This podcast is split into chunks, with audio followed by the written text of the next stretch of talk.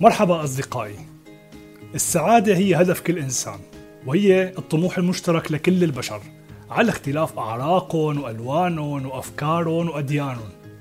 الكل بيتفق على نفس الهدف وهو البحث عن السعادة. ولكن معظم الناس بتدور على السعادة عن طريق الأمور الخارجية أو عن طريق العوامل الخارجية سواء عن طريق مشاهدة الأفلام أو التسوق أو عن طريق العلاقات الاجتماعية أو حتى ممكن عن طريق التدخين وشرب الكحول وغيره من العادات الغير صحية. ولكن إذا فكرنا بالموضوع بنلاقي إنه هاي العوامل الخارجية أو المؤثرات الخارجية هي أمور مادية. من صفات المادة إنها مهددة بالعدم المادة مهددة بالزوال. فالإنسان ممكن يخسر بيته شغله أصدقائه شريك حياته. فشعور المتعة نتيجة العامل الخارجي رح يكون مصحوب بشعور خوف. خوف من زوال هذا المؤثر.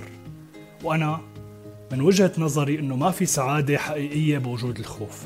الخوف والسعادة ما بيجتمعوا مع بعض. شغلة تانية مهمة كتير وهي أن المتعة الناتجة عن الأثر الخارجي أو عن العامل الخارجي هي متعة مؤقتة. ولا يمكن أنه تستمر للأبد.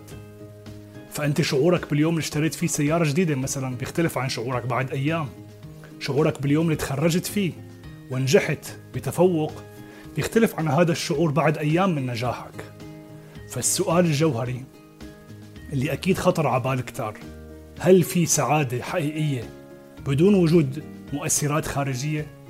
هل ممكن السعادة تنبع من الداخل؟ هل ممكن الإنسان يكون سعيد حتى لو كانت ظروفه صعبة؟ طبعا هذا سؤال كبير كتير. ما فيني جاوب عليه بفيديو أو فيديوهين.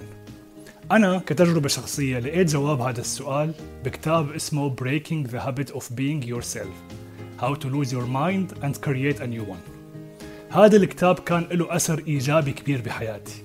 لهيك حابب أن لكم تجربتي معه. بتمنى أنكم تستفيدوا منه. وأنا متأكد أني كمان رح أستفيد من تجربتكم وردود أفعالكم وتعليقاتكم الهدف طبعا أنه نتواصل مع بعض ونأثر على بعض تأثير إيجابي متبادل.